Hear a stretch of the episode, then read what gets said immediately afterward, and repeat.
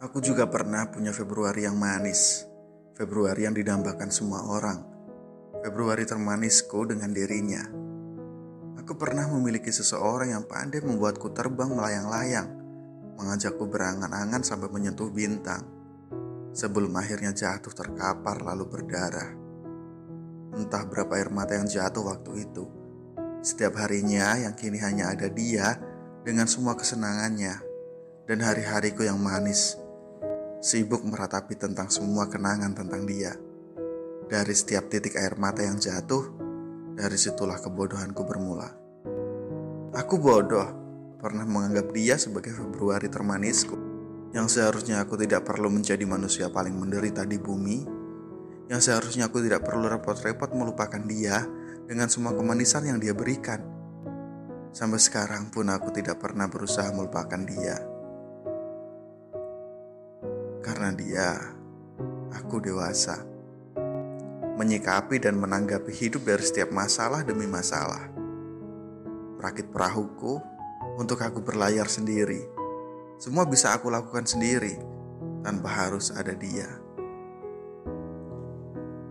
Aku tidak pernah bicara kasar atau memakinya. Setelah aku terjatuh lalu berdarah, aku bangkit lalu menata hidupku lagi menyusun mimpi-mimpi yang sekarang akhirnya berhasil aku dapati. Lalu, aku simpan mimpi-mimpi itu di balik bingkai-bingkai emas yang aku pajang di ruang tamu. Biar dia tahu, aku tidak butuh dia untuk berhasil. Memangnya dia siapa? Hanya kenangan indah di Februari yang suram. Februari terpahit dalam sejarah kehidupanku. Dan lihat, setelah semuanya berhasil aku raih, dia datang. Ternyata dunia berputar lebih cepat dari yang kukira. Yang tadinya aku adalah malam yang gelap tanpa bintang, sekarang aku adalah pagi yang cerah dengan cahaya-cahaya matahari yang menyusup di balik jendela dan pelangi di depan rumah. Namun sayangnya, aku sudah tidak butuh dia lagi. Untuk apa dia datang? Mungkin dia ingin melihat indahnya matahari pagiku, atau pelangi yang melengkung indah di ujung teras rumahku.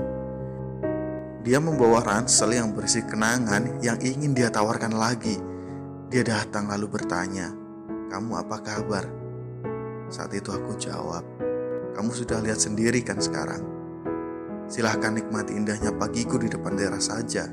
Jangan masuk, kamu sudah tidak pantas untuk memilikinya lagi."